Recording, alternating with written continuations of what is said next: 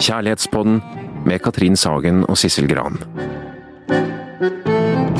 Her sitter Sissel og jeg nok en gang i studio, og det vi skal gjøre her, er å utforske det store temaet kjærlighet.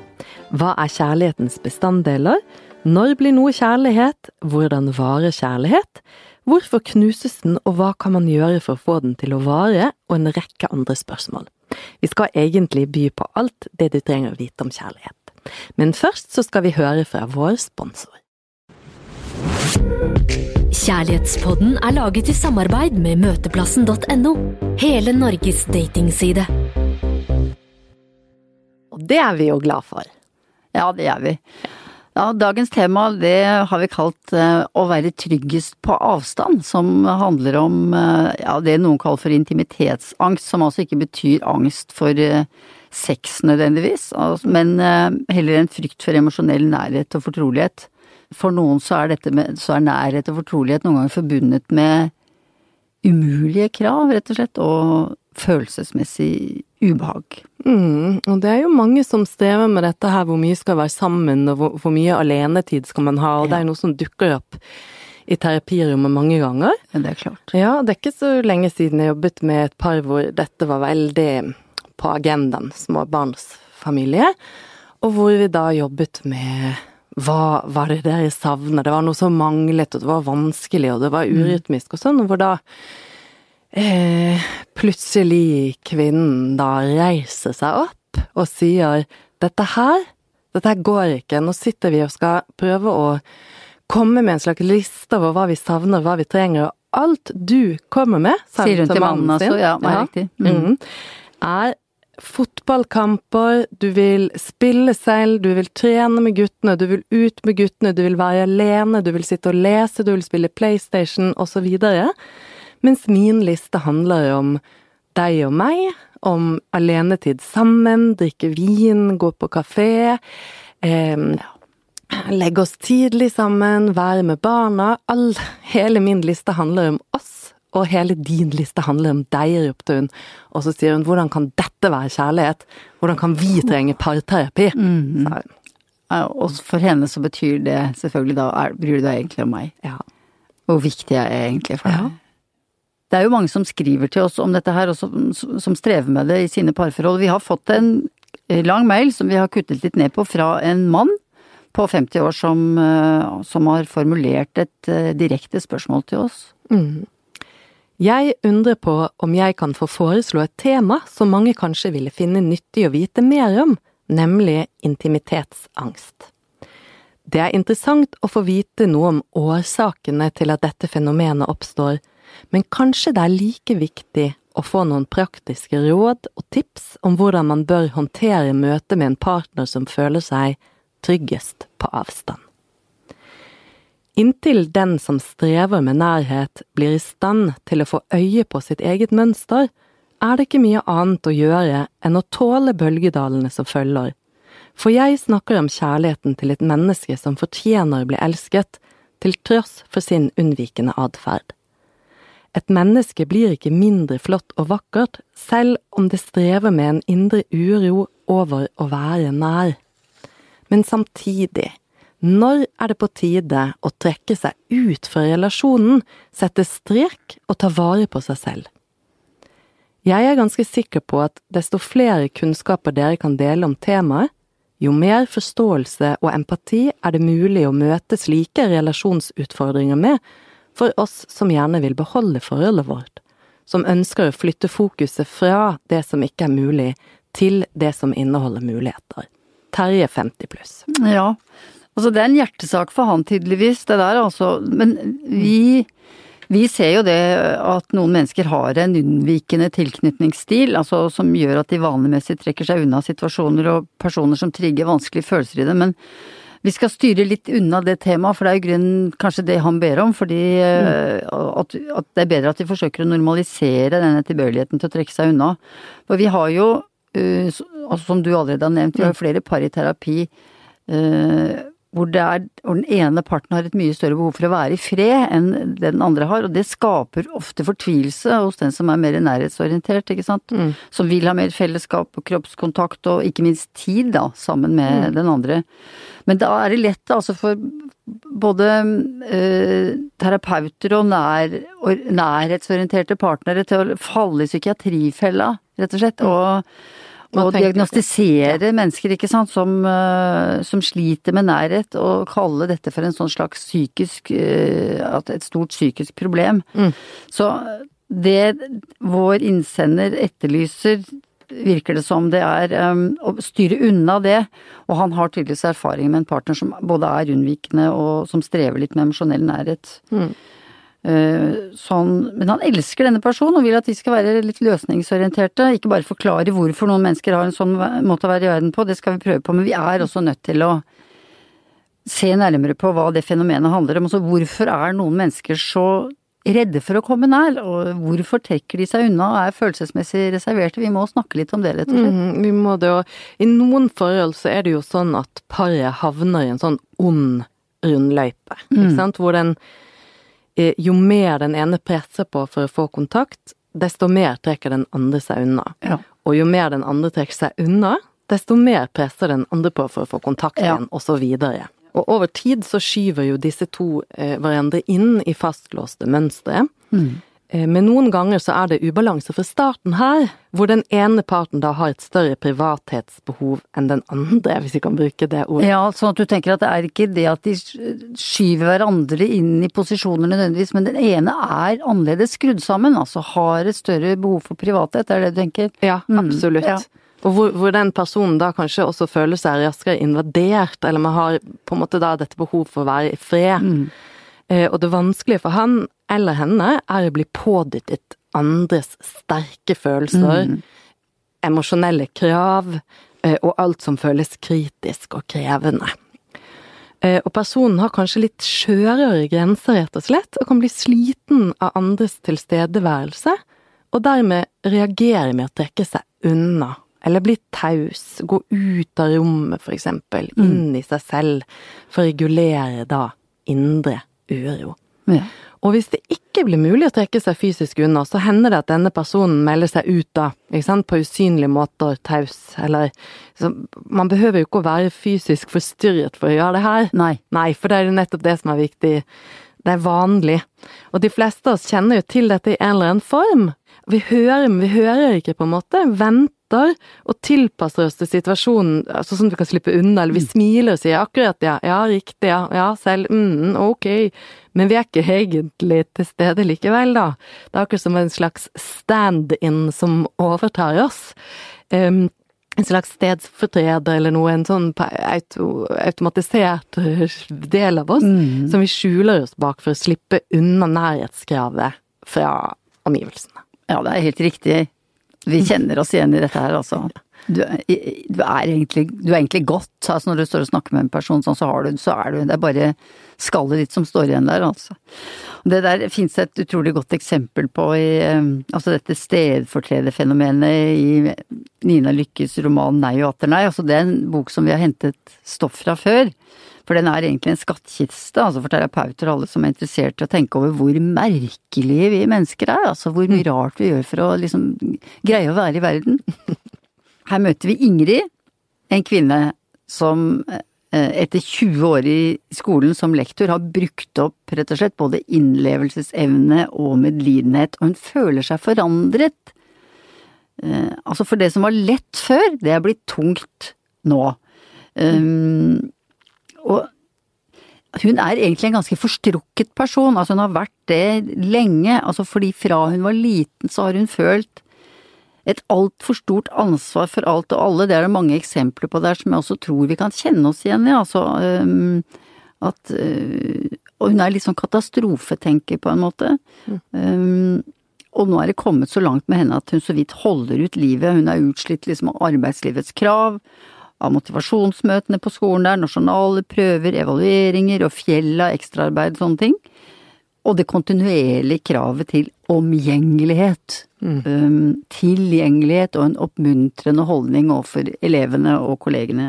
Hun er utslitt av å måtte ha døgnåpen dør, rett og slett, for flommen av mail og tekstmeldinger fra elever. Og hun føler at hun i tillegg er nødt til å delta i den daglige konkurransen om oppmerksomheten deres i klasserommet, fordi der sitter de med de åpne laptopene sine, ikke sant, med, hvor hundrevis av faner står åpne, og dette skal hun konkurrere med. Mm. Hun er i ferd med å gi opp, men så har hun altså funnet sin metode, metoden som er interessant for oss her. Og hva er det hun har funnet på? Altså en metode for å kunne fortsette å tikke og gå. Og holde ut. Holde ut, mm. ikke sant. Gjennom altså bevege seg rundt i verden som et hylster eller et skall av den hun tidligere opplevde har vært. Og slik beskriver forfatteren hennes løsning i store gåseøyne. Hun samlet sammen en slags skikkelse og skjøv den foran seg, lot den ta seg av verden og alt der ute. Det var ikke vanskelig.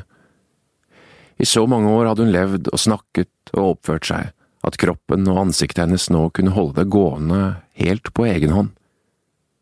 Tilsynelatende oppførte hun seg som før, men selv om hun sa og gjorde det hun alltid hadde sagt og gjort, var det skikkelsen hun skjøv foran seg som sa dette og ikke hun selv. Og slik kunne Ingrid gjemme seg på høylys dag. Ingen hadde reagert eller lagt merke til noe utenom det vanlige. Samtalene fulgte sine vanlige veier, og Ingrid måtte tenke på alle kreftene hun hadde brukt i tidens løp. Følelser og opphisselse hun hadde investert, enten det var på skolen, på fest, i telefonen eller på et gatehjørne. Og så hadde hun hele tiden bare kunnet la kjeften gå uten forbindelse til noe annet enn den rent automatiske delen av nervesystemet. Hjernen hennes fikk hvile, og Ingrid kunne bare ergre seg over at hun ikke hadde funnet på dette før.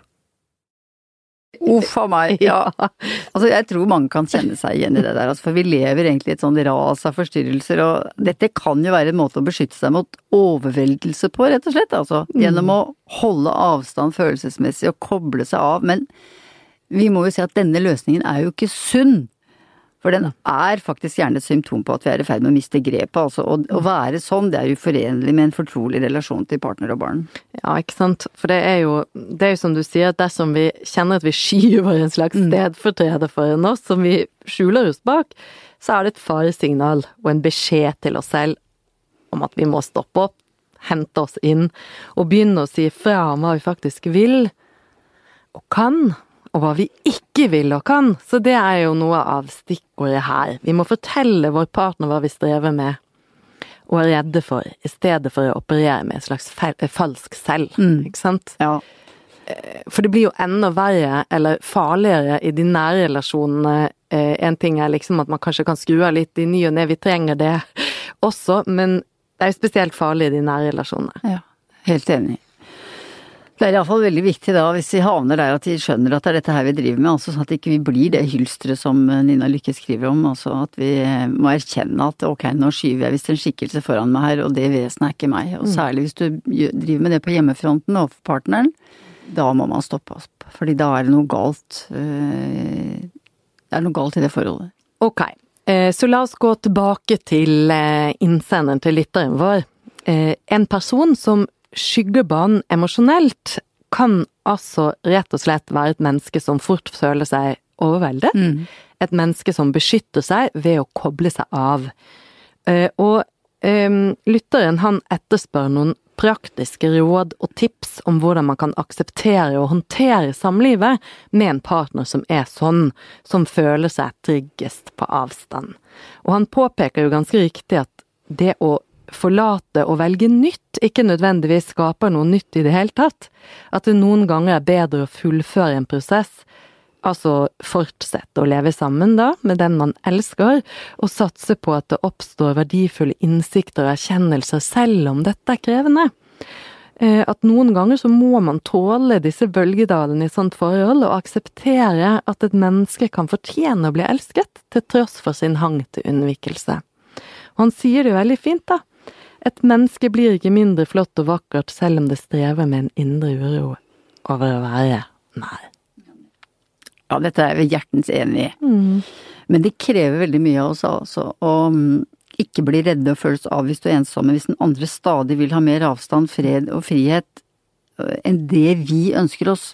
Og- For noen vil jo veldig gjerne sitte godt inntil eh, kjæresten i sofaen og snakke sammen, se på en kul serie. Da er det ikke så beroligende når den andre lener seg vekk, trekker seg mot laptopen og på alle vis signaliserer at jeg vil være i fred med mitt. Jeg hadde jo, det må jeg virkelig tenke på, altså jeg hadde jo en far jeg som øh, var verdensmester i unnvikelse, egentlig. Eh, han tålte ikke så godt å være nær, og særlig dersom han opplevde liksom atmosfæren hjemme som litt anstrengt. Da stakk han av gårde. Eh, så det er jeg, det er jeg vokst opp med, rett og slett. Altså jeg er vel litt grann allergisk overfor det der. Og han dro til elva for å fiske, det var hans uh, greie. Og vi så jo at han alltid hadde det fiskekjøret i tankene. Yeah. At han alltid lengtet bort fra oss. Altså han ville ikke være, han kjedet seg med oss egentlig, med moren min og søsteren min og meg. Og han satt, kreerte kunstferdige eh, fluer, altså sånne fiskefluer hele vinteren. Hver forbannede helg så satt han med det. Det var hans lidenskap. Og, så vi, og han drømte om ørreten hele året. og Vi skrøt og vi heiet og vi oppmuntret, men etter mange år med det her så holdt mora mi på å gå fra vettet, rett og slett. Det ble veldig mye. Og hun var en typisk fiskeenke, for hver eneste helg og sommerferie tilbrakte vi på bredden av et eller annet vann eller en eller annen elv.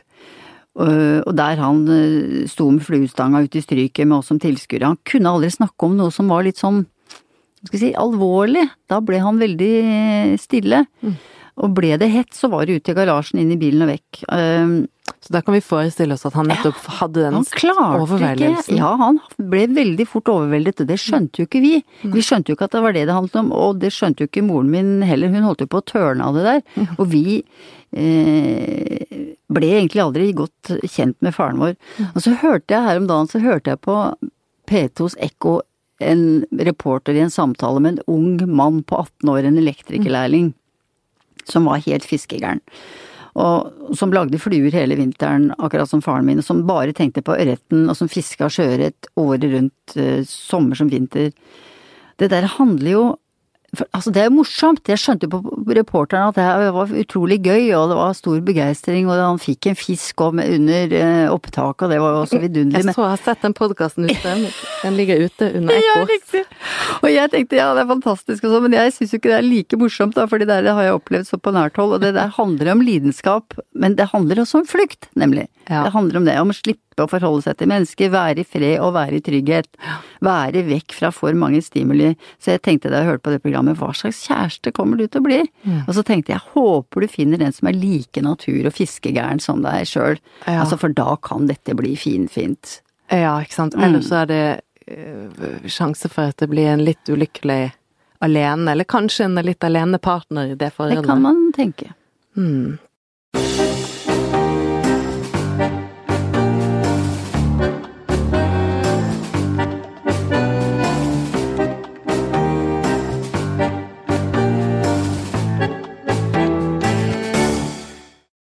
Ja, vi kan jo tenke oss at det finnes også faser i livet hvor det er kanskje mer normalt å ønske å få være i fri eller trenge alenetid.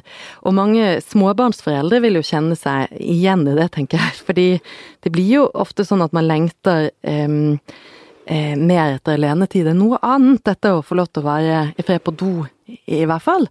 Og jeg, eh, jeg kan vel sikkert innrømme, eller jeg tror i hvert fall, at både min mann og jeg vet at jeg kanskje later som vi må mer på do enn det vi må, for å få lov til å lese litt mer i avisen eller i en bok i fred. For det er jo vanskelig dette med alle disse øynene som plutselig krever noe, og man må gi noe hele tiden.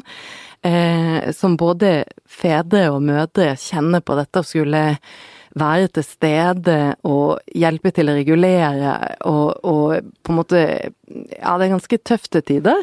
Eh, man kan kjenne, Av og til så føles det, syns i hvert fall jeg, som, som det der øyet fra 'Ringenes herre', hvis man har sett den filmen, som bare står på og er på og etter den hele tiden. Får ikke gjemt seg noen steder. Aldri usynlig. Aldri alltid usynlig. synlig. Alltid koblet på. Ja. Ja. Så det er jo liksom anstrengende dette med å måtte forholde seg til andres snakk og meninger fysisk, ikke minst nærvær i ett kjør.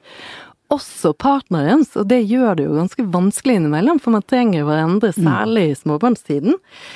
Men det er noe med dette at man kan altså trenger alenetid for ikke å få panikk innimellom. Må vekk for å klare å samle seg. Ja, det tror jeg er veldig riktig, altså. Helt klart. Og det er klart at det er helt eh, Det er helt innenfor normalen. Vi skal gjøre det som vi ofte gjør, vi skal låne litt stoff fra skjønnlitteraturen igjen for å prøve å forstå det der med alenebehovet litt bedre. Eh, I Karl Ove Knausgårds Min kamp så er dette et gjennomgangstema. Altså hans behov Og for å være der, ja, ikke sant? Og Ja. ikke nødvendigvis fase i livet, mer, det er mer en sånn strukturell opplevelse av Men her er det jo også familielivet som trenger seg inn, ikke sant, hele Ja, tiden. Inn i hans behov for å få være i fred, for å få skrive, da. Og drive med sitt. Altså, og det raseriet. Mm. Eh, Og fortvilelsen han opplever, som jeg tror mange kan oppleve, når det eh, sterke behovet der for å være i fred, for å få skrive, for å holde på med sine ting, som nærmest er som en slags drift, når det stadig møter motstand. Og så han beskriver jo da en, en kone, en partner som hater å være alene, som følte seg forlatt når han driver med sitt. Og han er, han er fanget i det vi kan kalle for materiens tvingende nødvendighet, altså livet som småbarnsfar. Vi skal høre et lite eh, utdrag derfra. Jeg har alltid hatt et stort behov for å være alene. Jeg trenger store flater av ensomhet, og når jeg ikke får det, som jeg ikke har gjort de siste fem årene, kan frustrasjonen iblant bli nesten panisk eller aggressiv. Og når det som har holdt meg i gang hele mitt voksne liv, ambisjonen om en gang å skrive noe enestående, på den måten blir truet, er min eneste tanke, som gnager som en rotte i meg, at jeg må se å komme meg bort, at tiden løper fra meg, forsvinner som sand mellom fingrene mine, mens jeg gjør… ja, hva? Vasker gulv, vasker klær, lager middag, vasker opp, handler, leker med barna ute på lekeplasser, tar dem inn og kler av dem, bader dem, passer på dem til de skal legge seg, legger dem, henger klær opp til tørk, folder klær sammen og legger dem i skap, rydder, vasker bord, stoler, skap. Det er en kamp, og selv om den ikke er heroisk, er den mot en overmakt. For uansett hvor mye arbeid jeg gjør hjemme, flyter rommene over av rot og skitt, og barna, som blir tatt vare på hvert minutt av sin våkne tid, er trassigere enn jeg noen gang har sett andre barn være. I perioder er det rene galehus her. Kanskje fordi vi aldri har fått til den nødvendige balansen mellom avstand og nærhet, som jo er viktigere jo mer temperament som er i sving. Det er gøy! Jeg ville bare høre mer! Det er veldig godt beskrevet, da. Det er mange som kjenner seg igjen i det her. Behovet for flukt, for å være seg selv og drive med det man helst vil. Man kan kjenne igjen raserier òg, i hvert fall kan jeg. Og man kan jo bli helt gal av å ikke få lov til å være noe annet enn en huslav eller hjemmeperson. Og barn som trasser og hyler, partner og kjefting og smelling. Men altså, det er vel egentlig et sunnhetstegn òg, eller? Kan man Ja. tenke? At de tør å ta sjansen. Barna, tenker du? Ja. ja. Og det trasset eller den motstanden, at de vet at de blir holdt og vet at man blir tatt imot. Det er verre med frykt og lydighet. Eller hva tenker du? Jo, helt enig. Sånn redde barn, redde kjærester som aldri tør å blåse ut, eller som bare tripper rundt for ikke liksom tirre opp. Ja, det, ja, nesten sånn at jeg får lyst til å snakke om min 50-tallsbakgrunn. Jeg vet du, far som skulle sove middag og sånn, men nå skal jeg prøve å styre unna mitt eget liv et lite øyeblikk, altså. Jeg vil ikke. Uff. Men det, akkurat det der har jo også eh, Knausgård en nestlig beskrivelse av. Så du skal få litt mer fra, fra det der, altså. For det er noe han altså, er det noe han bestreber seg på, så er det at barna aldri skal være redde for ham. Fordi Eh, og de er ikke det. De er ikke redde for han. De tør å protestere opp og ned, vræle, trasse og være såkalt vanskelig, og det torde aldri han da han var liten. Mm. han var veldig redd for faren sin da han var barn, og beskriver faren som en lunefull, sint, oppfarende mann som kunne fike og slå, som fikk familien til å gå på nåler. Eh, altså det var en mann som ikke greide å tøyle sin motvilje mot nærhet. Eh, og sitt raseri over å føle seg fanget i en familiesituasjon og en påtvunget ansvarsrolle som far. Eh, Så den faren Karl Ove Knausgård beskriver, det, det er en far som alltid trakk seg unna emosjonelt, som aldri delte noe av hva han tenkte og følte, og når han tenker tilbake på faren, så gjør han seg slike refleksjoner. Hva er det å være far? Å være far er en forpliktelse. Så man kan ha barn uten å være far. Men hva forplikter man seg til? Man må være på plass, man må være hjemme. Higen og oppstigelseskraft er uforenlig med det. For det higenen vil, er det grenseløse, og det hjemmet gjør, er å sette grenser. En grenseløs far er ingen far, men en mann med barn. En grenseløs mann er et barn, det vil si den evige sønn. Den evige sønn tar eller får, han gir ikke, og han tar eller får fordi han ikke er hel, og ikke sin egen. At pappa flyttet hjem til sin mor før han døde, er ikke en tilfeldig detalj. Han døde som sønn. Han hadde frasagt seg sitt ansvar som far, og det kan man bare gjøre dersom farsansvaret er en ytre størrelse, en rolle man tar fordi man må.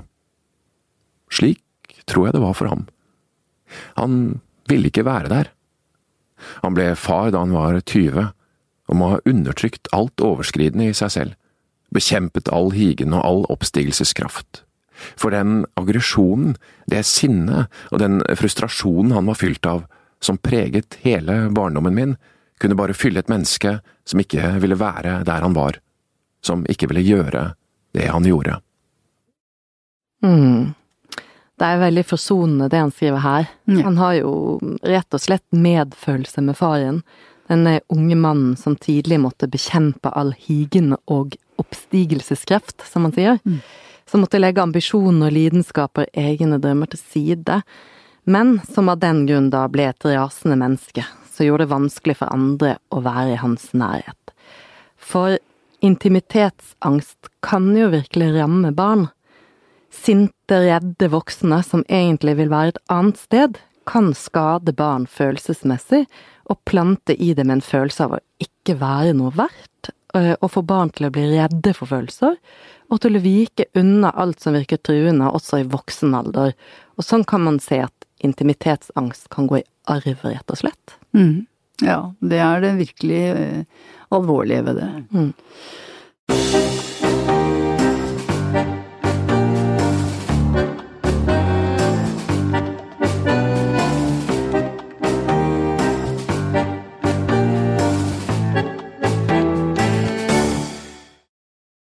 Det er også et annet viktig tema som eh, vi må berøre her, som er eh, Det er vrient, altså. Det er hvordan en person med en sånn heftig tilbaketrekningsrefleks, da, for å bruke det ordet, kan fange en partner. Altså gjøre ham eller henne ganske hekta, rett og slett. Fordi det kan bli så viktig å prøve å få en bit av den som stadig trekker seg unna, vet du. Eh, At man overtilpasser seg, blir veldig på vakt, forsøker å gripe enhver anledning til å komme nær den andre, da. Mm, sånn nei, premieperson. Ja, riktig. Den som liksom er liksom premien. Du er heldig hvis du får kontakt med den personen. Så, og da kan du bli en skikkelig forfølger, altså. Du kan bli selvutslettende. Og vår innsender, eh, eller lytter, han stiller seg jo faktisk dette spørsmålet når er det på tide å trekke seg ut fra relasjonen, sette strek og ta vare på seg selv? Det er det han spør om også. Og svaret på det, det er jo dette at hvis du kjenner at du er i ferd med å utslette deg selv, altså eh, hvis du begynner å lure på hvem du egentlig er, da, altså at selvfølelsen din står på spill, så er det på tide å stoppe opp og tenke på om du er sammen med rett person. Men altså, la oss gå tilbake til hovedspørsmålet hans, da. Hva kan man gjøre når man har en kjæreste som trenger mye alenetid og fred og frihet?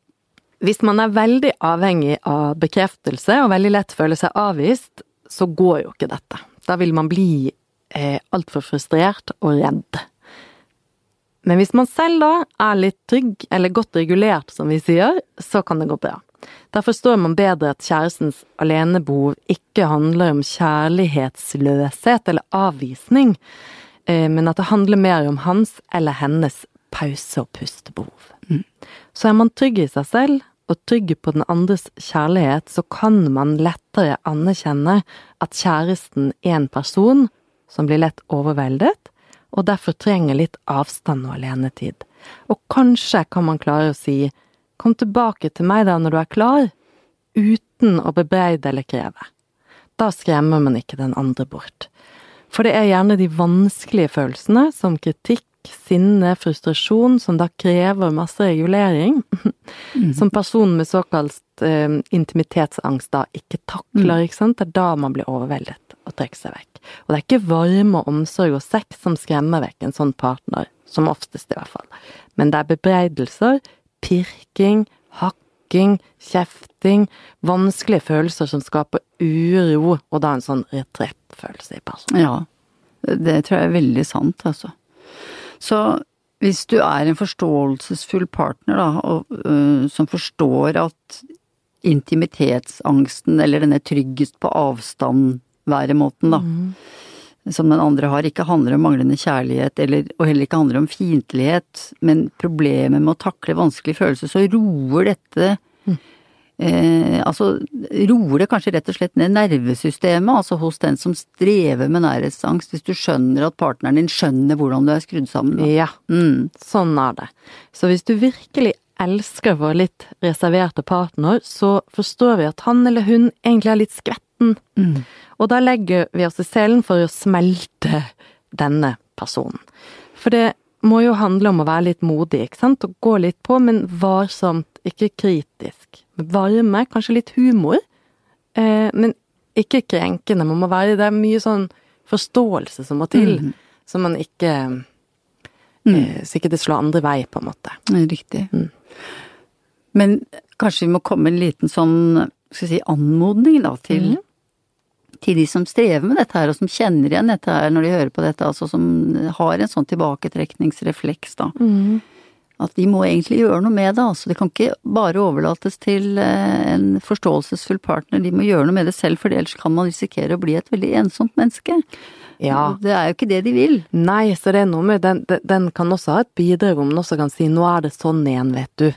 Ja. Jeg trenger å trekke meg litt tilbake, Ja. det er ikke noe med deg. Man kan hjelpe, for man kan også få Riktig. en nervøs partner, den trygge, ikke sant. Man kan hjelpe litt til. Ja, det er helt enig. For en som er trygg, kan også bli utrygg, altså. Så det budskapet er vel også til de som strever med nærhet, at du, du må ikke la den som er glad i deg vente for mye og for lenge. Så fordi det som eh, kan skje da, det er at den du egentlig er glad i, vil gi deg opp. Så da tenkte vi at vi skulle avslutte dagens tema med en tekst av eh, The Kinks fra 1965 som heter Tired of Waiting for You, og så har vi oversatt den da, for anledningen.